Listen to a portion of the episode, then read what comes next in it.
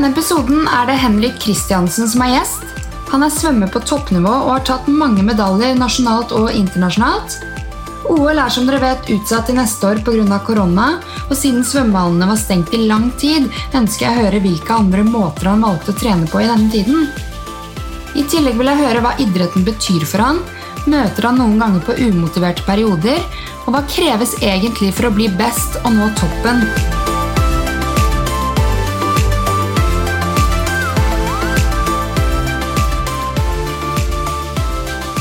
Men da kan jeg jo bare ønske deg velkommen, Henrik. Jo, takk. Veldig hyggelig at du har tatt deg tiden til å komme ut hit til studio. Endelig kan man være i studio igjen. Ja, det har vel vært litt, eh, vært litt stengt den siste tiden. Ja, og jeg syns det faktisk er mye hyggeligere å møte gjestene face to face. Mhm. Så det er eh, veldig koselig. Men hvordan er det du har valgt å trene i de koronatidene her? Eh, har jo, vi har jo ikke hatt så veldig mye valg, ettersom alle bassengene har vært eh, helt stengt. Så vi har jo måttet trene alt på land. Eh, Som har vært noe ganske nytt for oss, egentlig. Jeg særlig har ikke vært veldig glad i å trene på land, egentlig. Men uh, vi har jo vært uh, tvunget nå. Eh, så vi har, vi har jo stelt i stand ganske Vi har jo lagd veldig gode planer og fått stelt i stand en litt sånn gettogym nede i kjelleren hos mamma og pappa. Ja, Jeg har fått sånn stakemaskin som har hengt på veggen, så jeg har fått sånn ergometersykkel og litt vektskiver og stenger til å kunne gjøre egentlig veldig mye forskjellig. Eh, for jeg hadde, Da det her eh, korona begynte, så hadde jeg også en eh, Rett før det så fikk jeg en betennelse i kneet, så jeg har ikke kunnet løpt så veldig mye i det siste. nei. Eh, Har du pleid det ved siden av svømmingen, da? Eh, litt, i hvert fall. Eh, kanskje en gang i uken hvor vi har hatt en intervalløkt på løping. Men eh, de siste ukene har jeg ikke fått gjort det så veldig mye. Eh, men nå begynner kneet å bli såpass bra at nå er vi liksom tilbake igjen og gjør litt av det. Ja. Så men det har, vært, det har vært mye sykling de siste ukene. Det har det. Ja. Er det sånn at du kunne tenkt deg gått over til sykling? Nei, absolutt ikke. Man, jeg innser jo nå bare hvor langt unna jeg er det nivået alle de andre er på sykkel. altså det er jo... Ja. Men hvilke sykkelruter er det du har tatt da? Jeg har fått eh, jeg har jo fått testa meg litt, og det å sykle ute har vært veldig mye morsommere enn å sykle inne. Ja, det kan Eh, jeg se for meg. Det, natur jeg har fått sykle litt grann forskjellige turer og på en måte utfordret meg litt på å sykle steder jeg aldri har vært før. Mm. Så jeg syklet liksom rundt Øyeren ned til Askim og så opp til øh, Fettsund. og Vært mye opp i Fettsund og opp til Sørumsand. Vært, vært en del liksom på nedre og øvre Romerike. Og så Mm. Ja. Mm. litt øh, ut mot Ytre Enebakk og sånn. Så det har vært øh, vært noen fine turer. Tar du med deg en god matpakke og podkast på øret, eller hva gjør du? Nei, jeg, jeg, jeg har ikke noe særlig på ørene da. Jeg synes det er greit å på en måte ha Høre fuglene kvitre. Ja, men det, det også høre trafikken også. Det er sånn når man sykler veien Ja, det at det er sant. liksom eh, Men av de turene, selv om jeg har vært liksom syklet egentlig mye alene, så har det gått kjempefort. Altså fem timers sykkeltur alene har gått liksom Mm. gått som smurt. Det har gått kjempefort. Men er det ikke sånn at det er lurt å trene litt alternativt uansett når du driver med én toppidrett? At det bare er sunt for dere at dere har fått prøvd dere på litt andre arenaer? Jo, egentlig. Eh, Vi svømmere er jo veldig, veldig dårlige som regel egentlig til å trene alternativt, siden det er veldig mye svømming. Mm. Så jeg tror nok veldig mange har måttet eh, gå litt inn i seg selv i denne perioden og virkelig, eh, virkelig ta noen valg om hva de egentlig har lyst til, og, og antageligvis også lære noen nye ferdigheter. Jeg merker det at eh, jeg tror nok jeg kommer til å komme ganske sterkt ut av denne perioden. Ja. Og det at, eh, at jeg har hatt mulighet til å kunne eksperimentere litt egentlig, med alternativ trening. Mm. Så det skal bli veldig spennende å se eh, utslaget, da, når Ja. vi nå kan begynne å svømme igjen og konkurrere. Da. Mm. Men du er jo OL-gullhåpet til Norge. Ja, jo da, ja, jeg, jeg kan leve med det. ja, er du ikke det, da? Jo, altså sånn Et OL-gull, det, det er jo målet. Det er jo ikke urealistisk at det kan skje. Nei, jeg, jeg, jeg har jo absolutt lyst til å ta et, uh, ta et OL-gull. Mm. Så det, Om det skjer i Tokyo 2021 eller om det blir i neste OL, det, Mm. det får vi jo se, da.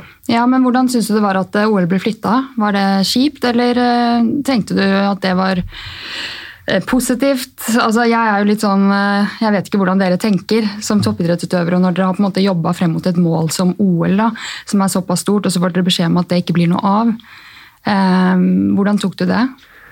Eh, for meg der og da var det nok litt sånn at eh, det hadde vært veldig mye spekulasjoner eh, uken, eh, uken før det endelig ble utsatt, om hva som skulle til å skje. Eh, flere av nasjoner hadde jo gått ut og indirekte boikottet eh, OL. Altså det, det, gjorde jo Norge også til en viss grad, og sa det at hvis det kommer til å bli avholdt et sommer-OL 2020, så kommer ikke Norge til å stille. Eh, da var det jo liksom, da innså jo man da at ja, nå, nå må jo OL bli flytta. Mm. og jeg tror vi var veldig raske til å bare omsette med en gang. og det å si det sånn at ja, ok, fint, men da får vi ett år til å trene på. Eh, et ekstra år med trening før, før, jeg skal ut og konkurrere i Tokyo i 2021. Mm. Så om det hadde blitt utsatt til, til, i høst eller til neste sommer, eller om det hadde blitt nå i, nå i sommer, tror jeg nok egentlig det at innstillingen min til OL hadde vært den samme. Mm. At eh, det kunne flyttet den eh, et år til, og jeg hadde fortsatt måtte Motivasjonen hadde vært der, og du hadde jobba eh, frem mot det uansett? Ja, absolutt. Det hadde mm. ikke planen endrer seg ikke. Ja, Men eh, når det kommer til eh, ja, altså Jeg har hørt rykter om at du drev med teater. Ja, det stemmer det. Ja, det er dritfett. Med... Jeg visste ikke det. Så jeg bare what? Men eh, når var det? Jo, jeg gikk på teater da jeg var, da jeg var yngre. Jeg tror nok jeg holdt på med det i, en, i hvert fall fire-fem år. Mm. Jeg gikk på det, jeg gikk på teater samtidig som jeg gikk på svømming da jeg var yngre, og, mm. og kombinerte det da var det jo kun teater én gang i uka, og på tirsdager. Mm. Eh, så da dro jeg på en måte på teater rett etter jeg hadde trent på tirsdager. Mm. Eh, Jeg syntes det var kjempegøy, eh, og jeg var alltid en av de som likte å stå på scenen. og Da vi hadde sånn teaterskuespill på, på, skolen også, så var jeg alltid den som rakk opp hånda. Ja, jeg vil være ja, med på det. Jeg vil være hovedrollen. ja, gjerne. Gi meg hovedrollen. Nei, men Jeg føler deg så sjukt på den, fordi jeg også gikk, jeg gikk musikk, dans og drama på videregående. Mm. Og mitt mål før videregående var over, var å være med i Skolerevyen. Så jeg var med i Skolerevyen uh, siste året. Da. Uh, da hadde jeg egentlig muligheten til å være med på faktisk en treningsleir uh, pappa skulle på med landslaget i to uker. Jeg tror Stemmer. det var til Florida. Ja, det var sikkert bare, Florida. Ja, så jeg bare Nei, jeg har kommet med i revyen, og det er mye viktigere for meg. da. Mm. Jeg elsker jo scenen og alt sånt, men jeg, jeg syns du tar deg så godt ut når jeg har sett deg på intervjuer og sånn, så jeg har tenkt at herregud, hvor er det han har det fra? Men da er det jo fordi du har drevet med teater og sånn, kanskje. Og personligheten din. Mm. Nei, jeg, jeg, føler at det har dratt med meg veldig mye, mye, godt fra den tiden jeg drev med teater, og fått med meg mye erfaring med det å være litt eh, altså sånn vant til å stå på en scene og det å være litt eh, i, i rampelyset. Mm. Eh, men eh, det kom jo til et punkt der jeg, måtte, der jeg måtte velge mellom teater og svømmingen, siden det var et, eh, et oppsett som krasjet med, med Låme. Eh, mm. For de som driver med svømming, de vet jo hva Låme er. Det er lands altså sånn årsklassemønstring mm. for de yngre. Da måtte jeg ta et valg hva jeg ville. Eh, var det eh, valget vanskelig, eller? Det var ganske vanskelig, ja. Mm. Eh, akkurat der og da så, så var ikke svømmingen på det nivået som jeg er nå i dag. i det hele tatt. Mm. og det var slik at jeg måtte, måtte, virkelig gå inn meg selv og velge sånn, hva er det jeg vil nå. Mm. Men Hvorfor valgte du svømmingen og ikke å stå på scenen og de tingene der, da? Jeg, tror nok det var det at på det punktet så, det, så hadde svømmingen begynt å hvert fall bli mer morsom enn teatret. Ja. Hvis, hvis, jeg hadde måttet ta det valget kanskje ett eller to år tidligere, mm. så, det, så, hadde jeg antageligvis valgt teater. Mm. Eh, men på det punktet så, så begynte svømmingen å bli såpass interessant og spennende. og Uh, og morsom at det, det, var det som føltes riktig. Men uh, det var ganske vanskelig. For Det er jo vanskelig å vite om man klatrer til topps med teater. Du kan kanskje være med på et stykke som er fett og stort, og så vet du ikke når neste gang er. Men svømming, du ser jo gradvis at man blir bedre. på en måte. Mm, mm. Så jeg kan jo skjønne egentlig det valget der. Men uh, når du er ferdig med svømmingen en gang i fremtiden, det er sikkert ikke de første årene, ser du for deg at du da kanskje ender opp med noen sånn programleder eller noe foran skjermen?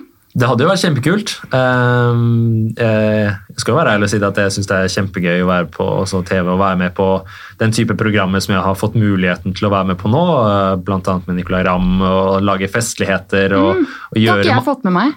Nei, Jeg har jo, har jo lagd det, vært med og spilt inn noe greier med han flere ganger. Så gøy, det må jeg få med meg. Mm, ja, det, det ligger mye morsomt ute. Ja. Eh, og jeg, har alltid syntes at det var veldig spennende. Eh, selvfølgelig så er det jo ikke bare å på en måte steppe inn i en sånn rolle, men eh... Nei, Men jeg syns du tar deg så godt ut. og alltid, altså, Du vet jo at jeg er God morgen Norge-fan, og mm. du er jo seriøst på God morgen Norge ti ganger i året, føler jeg.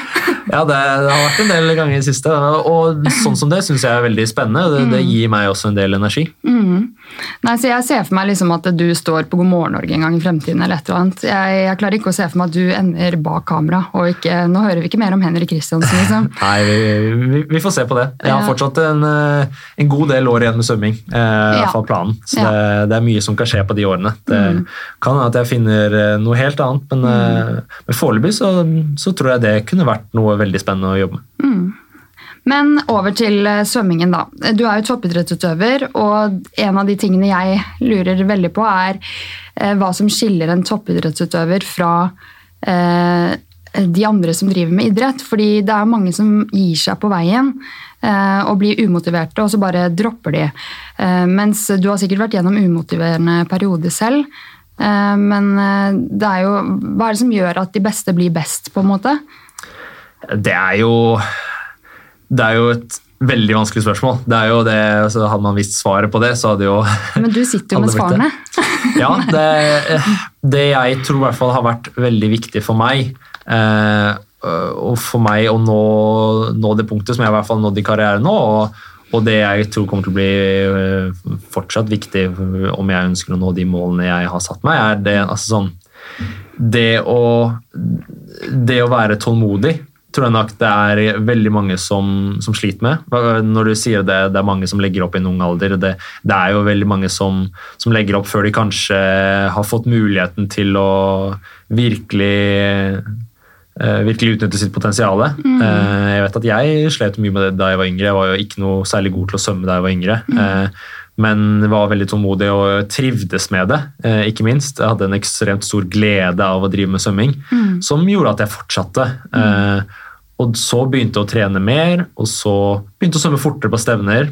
Og da syntes jeg at det var enda morsommere, som da igjen gjorde at jeg trente mer og syntes det var morsommere og svømte raskere på stevner. Og så, og så har det liksom gått i den sirkelen. Eh, så det, det å ha tålmodighet eh, er jo en veldig viktig, eh, en veldig viktig verdi eh, som jeg tror veldig veldig mange toppidrettsutøvere kan se seg igjen i.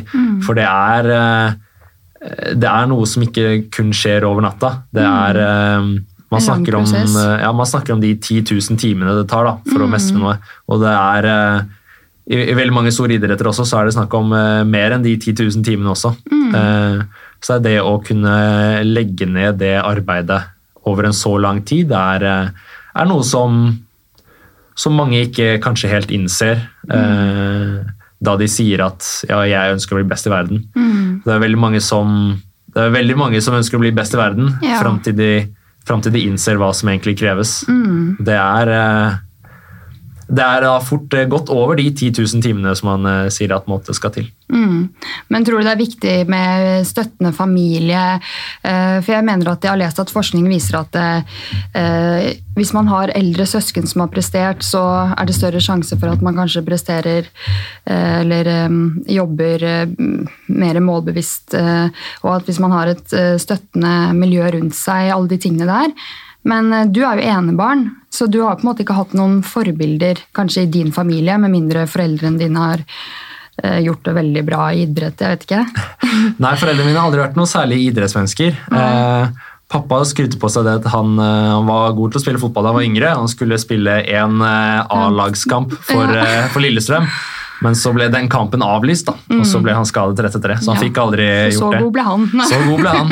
Eh, nei, og det er, sant, det er sånn som du sier at det enebarnet har aldri hatt noen søsken å på en måte konkurrere med, men jeg har alltid hatt en ekstremt støtte hjemmefra. Mm. og foreldrene mine har vært, selv om de ikke eh, vet noe om svømming, eh, så, har de, så har de vært ekstremt gode på å backe, og de har stilt opp og kjørt til morgentreninger og lagd matpakker og lagd mat. og Det er et eh, utall antall timer som de har uh, ofret for, for at jeg skal kunne nå dit jeg er i dag. Eh, så det å ha den støtten hjemmefra er, uh, er ekstremt viktig. Mm. Uh, det er mange det som kanskje også undervurderer hvor stor rolle egentlig foreldre har eh, hos toppidrettsutøvere, i hvert fall hos yngre toppidrettsutøvere. Eh, at det er, eh, det, det er de som gjør mye av grovarbeidet. Så det er, eh, de er helt klart ekstremt viktige. Nei, fordi til syvende og sist så ligger det jo hodet til hver enkelt sånn eh, mentalt. Da. Eh, og jeg har jo alltid hatt støttende foreldre eh, når det kommer til idrett. De har vært veldig opptatt av at vi skal drive med noe, liksom, og ikke bare vanke.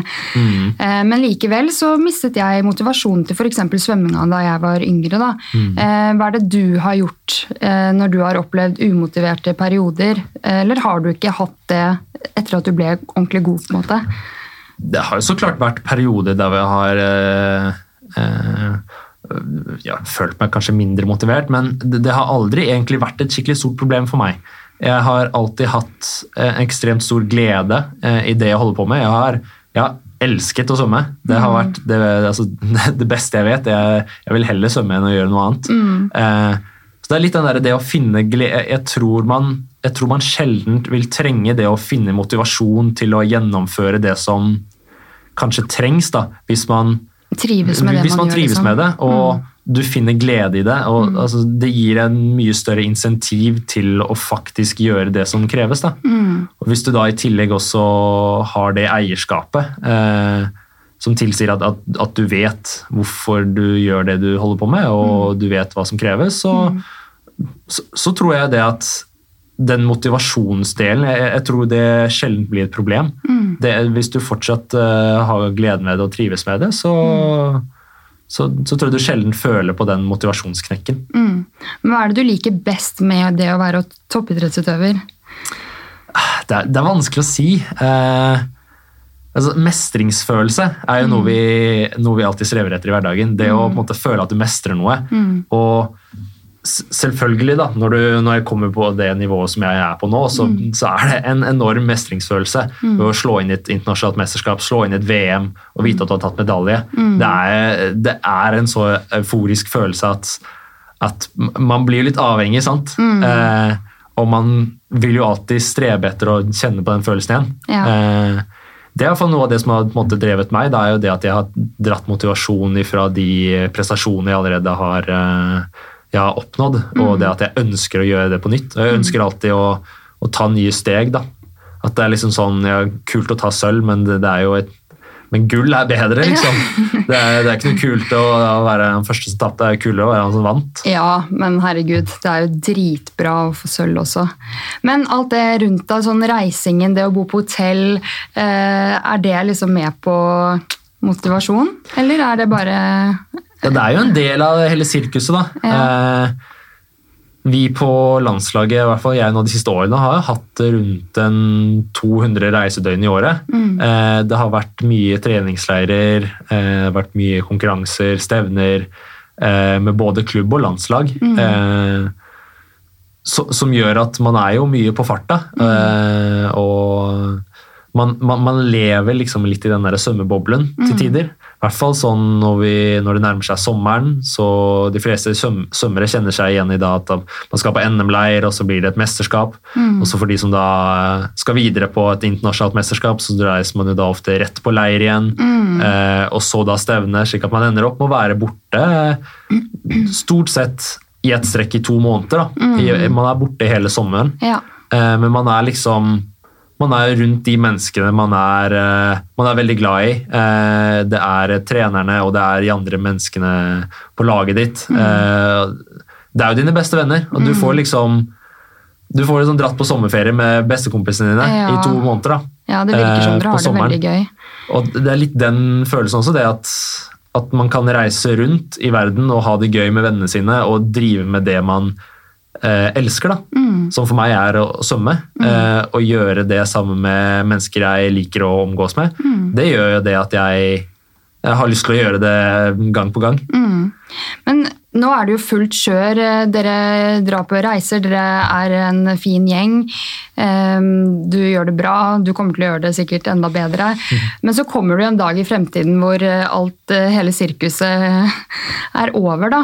Eh, Tror du at du kommer til å møte på en knekk når ting blir mye mer stille? Det er liksom, du er ikke så mye på farta, du skal ikke prestere på samme måte lenger. Det kommer nok antagelig altså, sånn, Da regner jeg med at du snakker om uh, når jeg eventuelt skal legge opp. Ja, Eh, Kjempemotiverende å snakke om når du skal legge opp.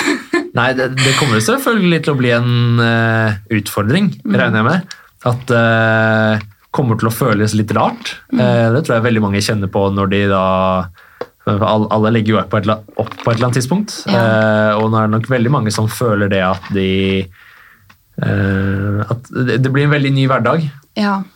Men jeg tror nok også det at hvis du føler at du, du har gitt deg på dine egne premisser, og det at du føler at du har oppnådd det du ønsker å gjøre i din karriere, og du gir deg når du mener at du bør gi deg, at du ikke på en måte får eh, avsluttet karrieren din av, eh, av en skade eller noen annen grunn, så tror jeg det er, det er kanskje enklere å Legge opp, ja. Hvis du eksempel har kommet til til selv. OL og fått en eh, Enten du har deltatt i OL eller fått en medalje i OL, så på en måte føles det kanskje lettere å legge opp da Mm. enn hvis du på en måte hadde blitt skada nå og aldri kunne svømt igjen. Nettopp. Det å nå målene sine er jo det, er jo det vi strever mot. Mm. Eh, Og det gjør jo enkeltmennesker òg. Det er derfor jeg ville ha deg til å diskutere de tingene. fordi alle mennesker, uansett om de er toppidrettsutøvere eller ikke, eh, det er kjempeviktig å sette seg mål. Eh, Men så er det det at jeg føler at dere er flinkere til å eh, jobbe mot målene på veien, eller ha litt bedre oppskrift på hvordan man skal gjøre det, enn f.eks. meg, da, som ja, er en vanlig person. Hvis du skjønner hva jeg mener? Ja. Nei, altså, Det er nok eh, veldig mange av de samme prinsippene som, eh, som gjelder i våre liv som i alle andres liv. At eh, man setter seg mål og, og, og jobber mot de. Eh, og så er det jo sånn, selvfølgelig så da når man jo de målene, eller så når man de ikke. Så må man sette seg ned og, og evaluere. Og det er en prosess vi gjør ofte. Vi gjør jo det her flere ganger i året. At vi setter oss delmål på de ulike stevnene vi skal konkurrere i. Og så er det jo selvfølgelig alltid det store målet for sesongen, da, som som regel alltid er avslutningen på sommeren, om det er et EM eller VM eller OL. Eh, så det kulminerer jo på en måte alltid i det store mesterskapet. Eh, om man da når målene sine, så er det jo fantastisk. Man kan, eh, man kan liksom leve trygt på det at ja, okay, jeg har gjort en god jobb, da vet vi det at eh, det her funker. Vi vet hva vi skal gjøre neste gang, som regel. Eh, hvis man da ender opp med ikke nå målene sine, hvis man er langt unna, så, så må man jo allikevel sette seg ned og evaluere ok, hva var det som gikk galt. Mm. Hvorfor nådde vi ikke målene våre? Hva var det som hindret oss? Eh, og jeg, tror nok det at Vi er nok kanskje litt flinkere til å jobbe med det ekstremt spesifikt. Det er nok mange som setter seg mål. Det, det er litt sånn, sånn nyttårsforsett. Ja, man, man setter det. seg jo alltid et nyttårsforsett. Ja, jeg skal få sixpack, jeg skal begynne å trene mer, Mm. jeg skal spise sunt. Men det blir så ekstremt uh, hva, hva legger du i det? da? Jeg skal spise Ja. sunt. Men jeg i fjor, i 2019, så hadde jeg nyttårsforsett hva jeg skulle få til i 2019. da. Mm. Eh, Jeg skrev ned at jeg skal eh, klare å bli gravid. Ja. Det var liksom et Gratulerer med det. Ja, selvfølgelig. Ja, så det gikk jo fint. Eh, Og eh, starte podkast, det Mhm. gikk jo fint. Men Nok en gang, gratulerer. Og takk, jeg trenger litt sånn herre Ja, ja. Nei da. Men eh, å hoppe på en utdannelse innenfor sexologi. Mm. Og det gjorde jeg jo også i høst. Så, Men det jeg merker, er at jeg er litt dårlig på å gi meg selv skryt. Man, hele tiden så setter man bare sånn eh, Det er bra nok, men du vil hele tiden noe mer, noe mer, noe mer. Mm. Mens dere, på en måte, når dere har nådd målet om at dere kommer til OL, så tenker jeg at det er jo Da gir dere dere selv en klapp på skulderen, og dette var bra, liksom. Ja, det er jo litt det at vi, vi differensierer jo også litt på de målene vi setter. Vi setter oss jo delmål, og så setter vi oss altså, stor, altså hårete mål. Eh, og det kan være altså, sånn, jeg, mål, altså, jeg har jo et mål om å bli verdensmester. Det er jo et hårete mål. Det er sånn som Jeg kommer ikke nødvendigvis til å nå det hver gang jeg stuper ut i bassenget. Eh, men down the line, om noen år, om det er til, eh, om det er nå i desember, eller om det blir neste år, eller om det blir om fire år, så ønsker jeg å nå det målet. Det er liksom det målet vi alltid jobber mot. Det kommer selvfølgelig mange mål underveis, som f.eks. For, for meg å svømme på den og den tiden på en 800 meter eller Ja, 1500 på et litt mindre stevne, f.eks. Ja, og da også i mesterskap eh, underveis. At man, at man alltid deler opp. Og for oss er det jo litt sånn at det å nå målet i seg selv da, er jo ofte litt sånn belønning. Eh, Hvor lenge lever da- du på den, da? Hvor lenge chiller du på den liksom, før du tenker neste? Vi er, jo, vi er jo veldig påpasselige der på det at man kan liksom ikke suge på karamellen for lenge. At det, Når du målet ditt, så er det, du skal selvfølgelig kunne ta glede i det. Og det er jo det som det er jo det som ender opp med å drive deg videre. Men det å leve på tidligere prestasjoner ser vi det at sjelden eh, fungerer i lengden. Man må alltid ha eh, blikket rettet videre. Ja. Eh, og det er litt den der å strebe mot det neste målet. Som også er litt av det å, å gjøre det spennende. da. Når du da faktisk når målene dine, så må du jo du må sette deg nye mål.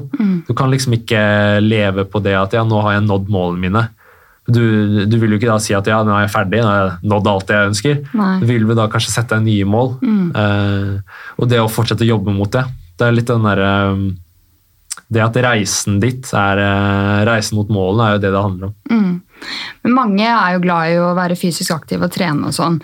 Og jeg vil si at eh, jo eldre jeg har blitt, jo mer motivasjon har jeg bli, eh, fått til å holde meg i form, og trening er en viktig del av min hverdag. Da. Eh, men for Gard, da, som har prestert i toppidretts... Eh, eh, i toppidrett tidligere, samboeren min, Mm. han syns, eh, med tanke på at han gjorde det bra for flere år siden, så syns han det er vanskelig å få like mye motivasjon eh, alltid, da, eh, nå som han har blitt litt eldre og det begynner å bli litt sånn flere år siden han presterte. Så han sier at det er litt forskjell på deg og meg, Tina, fordi eh, du har den motivasjonen fordi du på en måte aldri har eh, fått noe sjuke resultater i noe, da. Mens eh, han som gjorde det ganske bra, eh, skjønner du hva jeg mener? Ja, ja, ja. ja Så- Gard, har jo, Gard har flere NM-gull han enn det jeg har. Um, Ja, jeg, jeg tror nok jeg skjønner veldig godt hva han mener. og det er nok det at Han har opplevd eh, altså en viss standard på målene sine. Mm. For han det å og jeg kan se for meg det, det handler litt sånn om For han å trene nå, Mm. det er jo ganske demotiverende. fordi han vet hvor god form han har vært i. Ja, en gang i tiden. En gang i tiden. Så når jeg er sånn der, Selv om det regner, nå skal vi ut på tur, og vi skal løpe i storm, og han blir bare sånn herre Han ser noen ganger ikke helt sånn herre «Åh, Hvorfor Helt vitsen i det, ja. Jeg kan se det. Man, man blir jo litt sånn man kan jo ofte bli litt bortskjemt med målene sine. at mm. Når du har nådd en viss standard, så er det, det er jo vanskelig å gå tilbake igjen. Det er vanskelig å sette seg i mål som eh, altså, Å sette seg et nytt mål som er lavere enn det du har hatt tidligere. Eh, det kan jeg se for meg er de- demotiverende.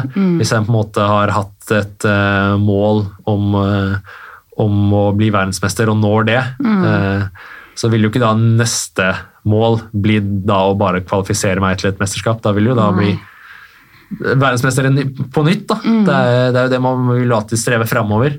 Så det, det kan være vanskelig det å, å finne motivasjon når det er måte, du føler at det går i feil retning. Men det jo uh... Men det skal sies at han er flink, altså. Men jeg tenker sånn som enkeltmenneske, da, eller eh, vanlige personer som meg, der er også målsetting viktig, da.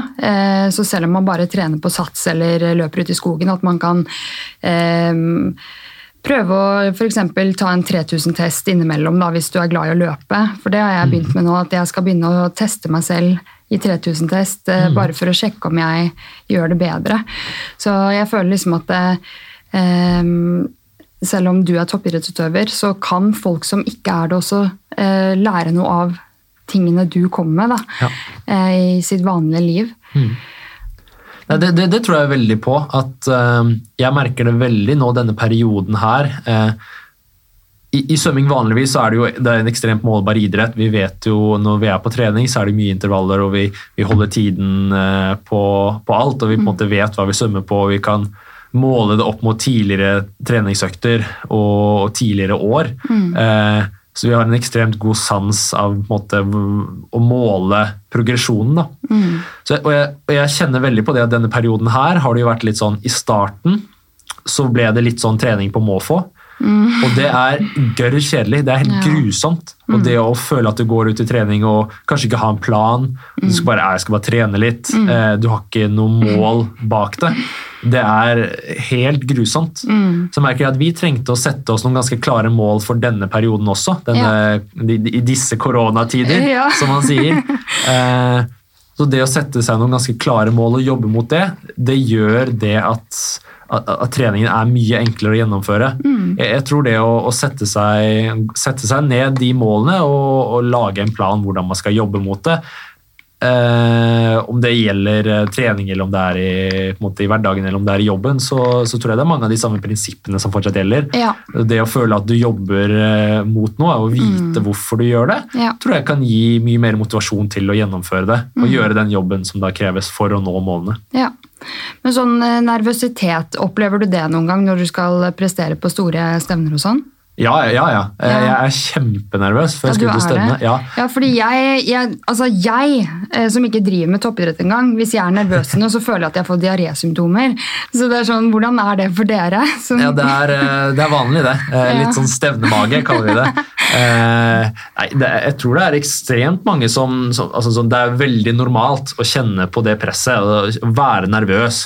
Og jeg tror egentlig det bare det betyr jo egentlig bare det at du bryr deg om det. Det, det er noe som er viktig for deg. Eh, og jeg er, veldig, jeg er ganske sikker på det at uten den nervøsiteten så hadde jeg aldri klart å prestere på det nivået jeg gjør. Nei. Man blir ekstra skjerpa, man kjenner at det er, eh, det er ekstra adrenalinkicket. Merker når jeg skal ut og svømme en stor internasjonal finale eh, i et VM eller EM, så i de sekundene før man på en måte skal, bli, skal gå ut da, mot bassenget, så, så holder jeg på å pisse på meg. At det er, jeg er kjempenervøs, men jeg klarer å på en måte kanalisere det riktig da, og, og, og bruke det for det det er verdt. Ja. Og det, at, eh, det er jo selvfølgelig mye trening som ligger bak, men det at eh, hvis jeg ikke hadde klart å være, bli like nervøs, så, så hadde jeg nok slitt med å prestere på samme måten. Ja. Jeg merker det veldig hvis jeg skal eh, svømme et litt mindre stevne, som eh, et lokalt stevne eller et NM, så klarer jeg ofte ikke å prestere helt på samme måten som i store internasjonale mesterskap. Nei, fordi det er ikke helt nei. det presset. Du må kjenne litt på det spenningsnivået. Hjelper det at det er masse mennesker der, kameraer, bla, bla, bla? Eh, Det er jo noe som bidrar, ja. Mm. helt klart. Det er noe som bidrar til at presset øker, Mm. og det at også at spenningsnivået øker. Og Veldig ofte så handler det om å måtte kunne regulere det spenningsnivået. Om det Mm. er å regulere det ned eller regulere det opp. Eh, Men føler du at du skal prestere for Norge, liksom? Eh, eller gjør du det for deg sjæl? det, det er jo en liten sånn kombinasjon. Selvfølgelig så er det jo dritkult å komme fra Norge, eh, et eh, land som ikke nødvendigvis er veldig stort i svømmesammenheng. Men det er Eh, veldig stor idrett på verdensbasis. Svømming er ekstremt stort på verdensbasis, ja. Det er eh, 190 nasjoner som deltar i et eh, VM i svømming. Så det er, eh, det er stort sett rubbel og bit. Eh, Så det å kunne delta for Norge er jo så klart kjempegøy. Eh, Og det å kunne stå på toppen av pallen eh, og høre nasjonalsangen Ja. i et stort mesterskap er jo en drøm. Eh, Noe, jeg, noe jeg håper jeg kommer til å få oppleve. Eh, Men man gjør det jo for seg selv. Nei, ja, ja, ikke sant? Eh, men man gjør det fortsatt. for seg. Det er, jo, det er jo en individuell idrett sånn sett. Eh, og som toppidrettsutøver må man jo være litt ego, men eh, Men det jeg synes er fint med svømming, er jo at du, måte, du, det er jo litt en lagsport under treningene. For der er du jo med en fin gruppe og trener med en gruppe, men du konkurrerer alene, da. Ehm, Ja, det stemmer det. det vi er jo Vi bruker jo veldig mye tid sammen, mm. vi i gruppa. Så det er, eh, det er veldig mange timer trening, og man gjør stort sett Det er veldig lite egentrening. Man er stort sett alltid i gruppa og trener sammen. Så det å kunne ha mennesker rundt deg som, som du føler at kan gi deg energi også, og, og som er der pga. at de også ønsker å prestere, og, og på en måte bringe noe positivt inn i gruppa, det, det gjør det også veldig mye, mye enklere. Litt sånn som jeg nevnte, det at man får lov til å reise rundt med sine beste venner og drive med det man elsker, det er jo sånn som gir positiv energi. ja, ja. Eh, Så det, selv når man, når man skal ut og konkurrere, er man alene, men, men eh, altså 90% av det er jo den, det som ligger av treningen, og det er jo, det er jo sammen i en gruppe. Mm. Du får nyte det, fordi jeg har innsett at livet går jævlig fort. Ja, jeg prøver å, prøver å nyte hvis jeg fortsatt kan. ja. Men hva føler du at du ofrer? Eller føler du ikke at du ofrer noe i det hele tatt? Jeg føler, jeg, jeg- jeg har egentlig aldri helt følt på det at jeg har måttet ofre noe. Jeg har, um jeg har alltid, litt som jeg nevnte, at jeg alltid trivdes veldig godt med det jeg har drevet med. Og har jo, jeg har jo tilbrakt eh, like mye tid med vennene mine som det Ja. eh, vennene mine på skolen har gjort, da, bortsett fra at det har vært med svømmevennene mine, og ikke de. da. Mm. at jeg, har, eh, jeg, jeg, jeg føler veldig sjelden at jeg har måttet ofre noe. Det er mer det at jeg har valgt uh, å gjøre det som jeg har hatt mest lyst til. Eh, og da føles, det, da føles det ikke som et offer. Skjønner. Men så er det jo det at barn skal ikke premieres før de er fylte tolv år. Har jeg lest, stemmer det? Mm, ja, 12, eh, 12 eller 13 er vel da man begynner med såkalt approberte stevner eh, Ja. i Norge. eh, fordi det eh, skal bidra til idrettsglede og fellesskap fremfor resultatfokus. Eh, Og så viser jo forskning at eh, de som eh, er opptatt av utvikling eh, fremfor resultater, presterer best. Eh, Hva mener du driver deg til å bli verdens beste svømmer? Eh, Ser du liksom resultatene i enden av eh, Eller er det, det den utviklingen som du syns er Som driver deg, da?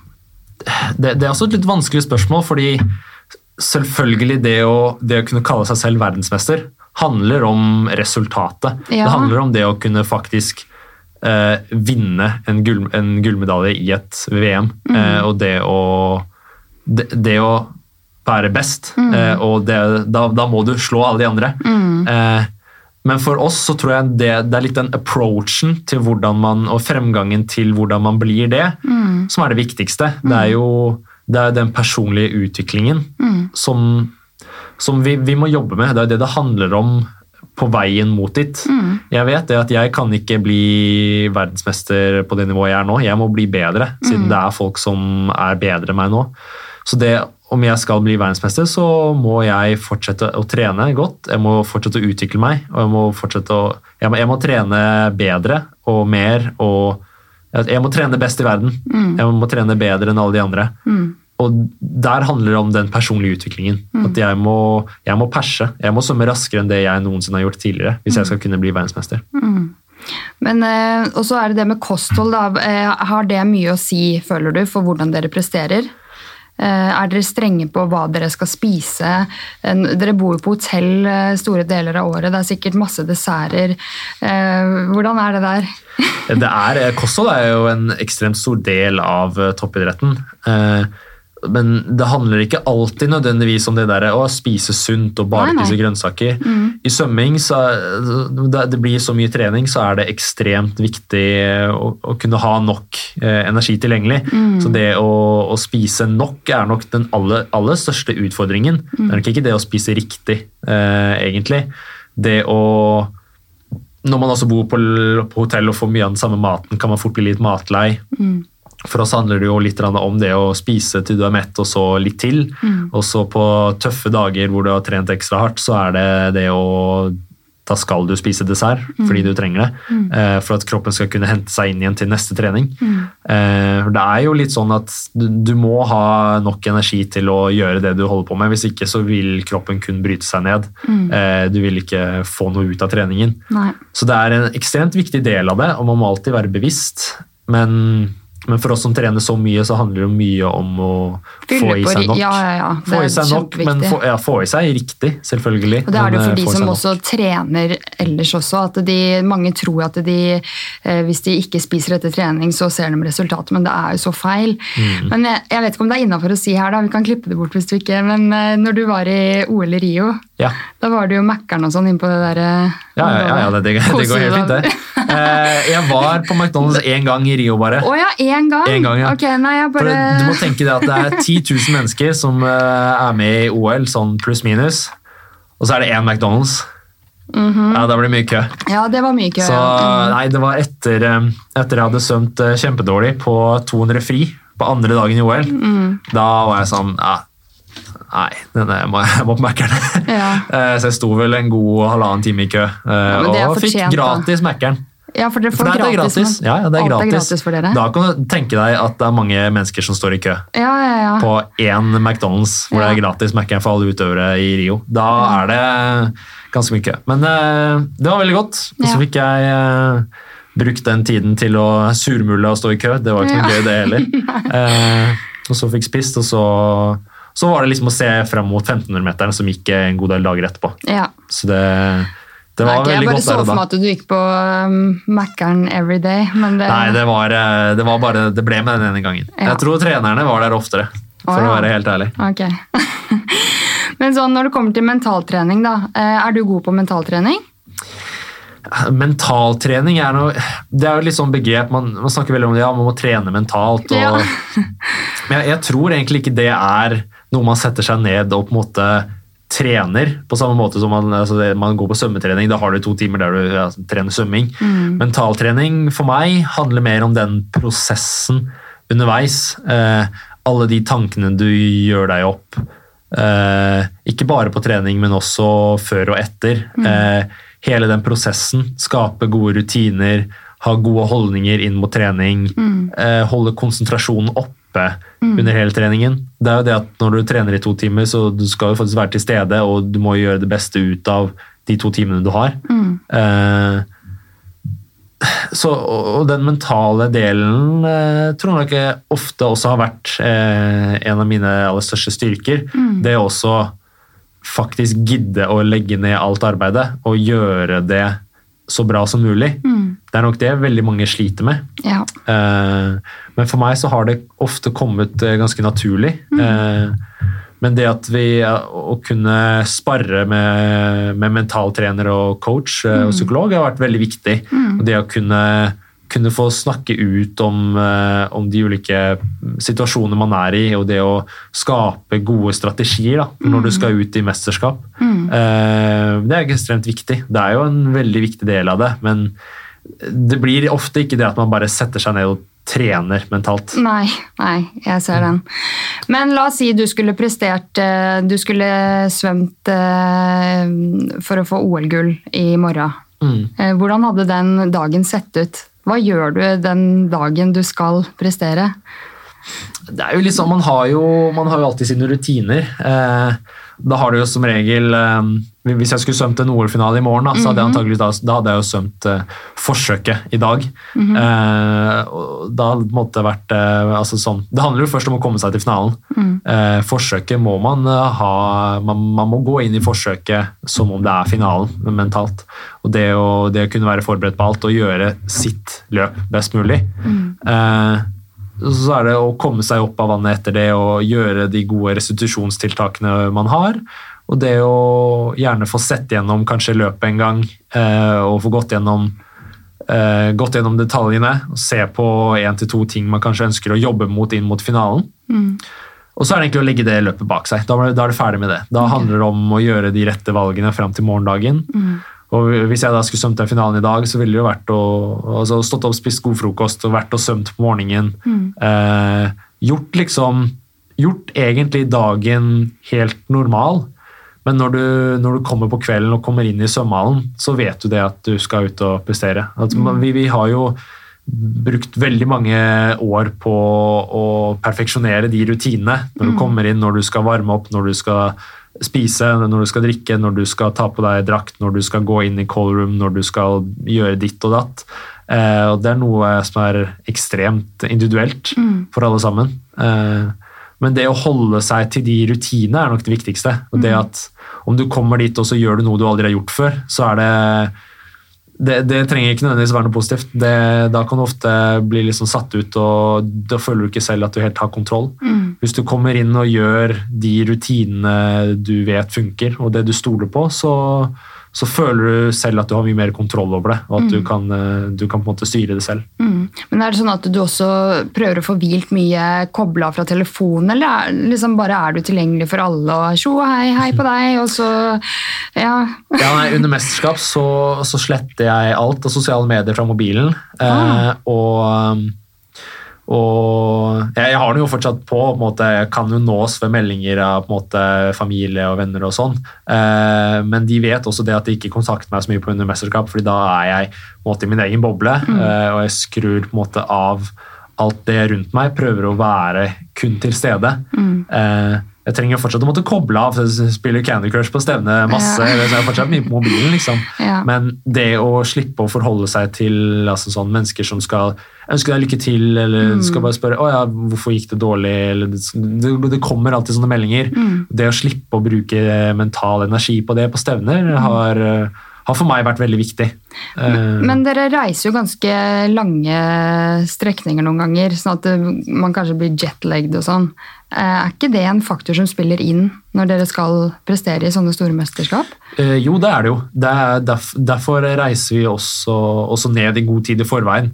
Eh, hvis, det er, eh, hvis det er mesterskap i Asia eller sånn som det var i Rio, så, så tilbringer vi en del tid der før mesterskapet begynner for å kunne akklimatisere oss, mm. slik at vi da er optimalt eh, forberedt Ja. når da første mesterskapsdag begynner.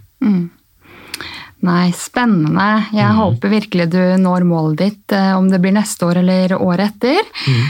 Jeg har i hvert fall troa på deg, men så har jeg også troen på at du ender opp som noen sånn programleder eller noe. Men, eh, Ja, vi får håpe det. ja, men før jeg går over på de faste spørsmålene, så lurer jeg på hva, hva, liksom, hva er drømmejobben din?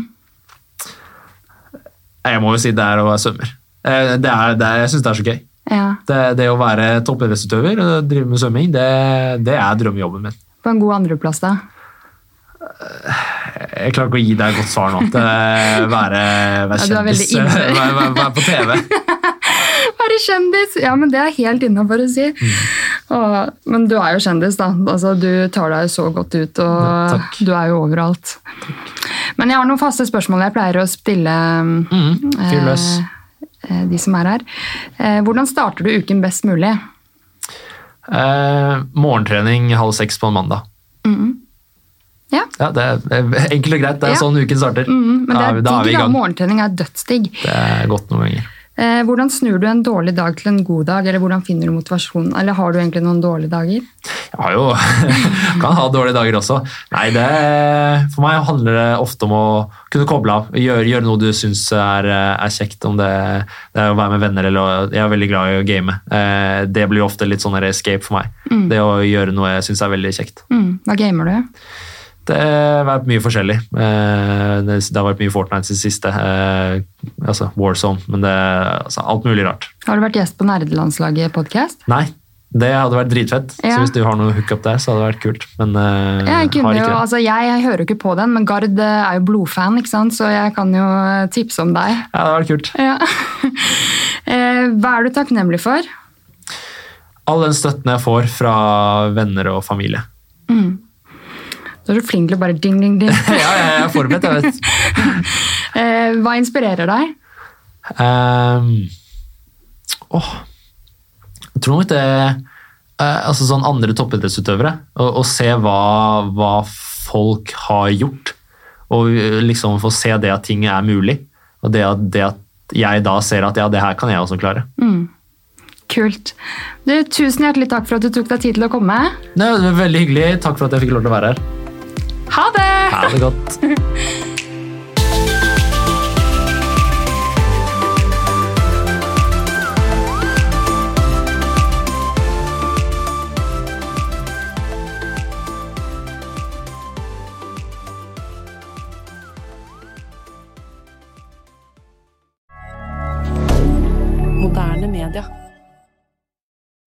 Har du et enkeltpersonforetak eller en liten bedrift? Da er du sikkert lei av å høre meg snakke om hvor enkelt det er med kvitteringer og bilag i fiken, så vi eh, gir oss her, vi.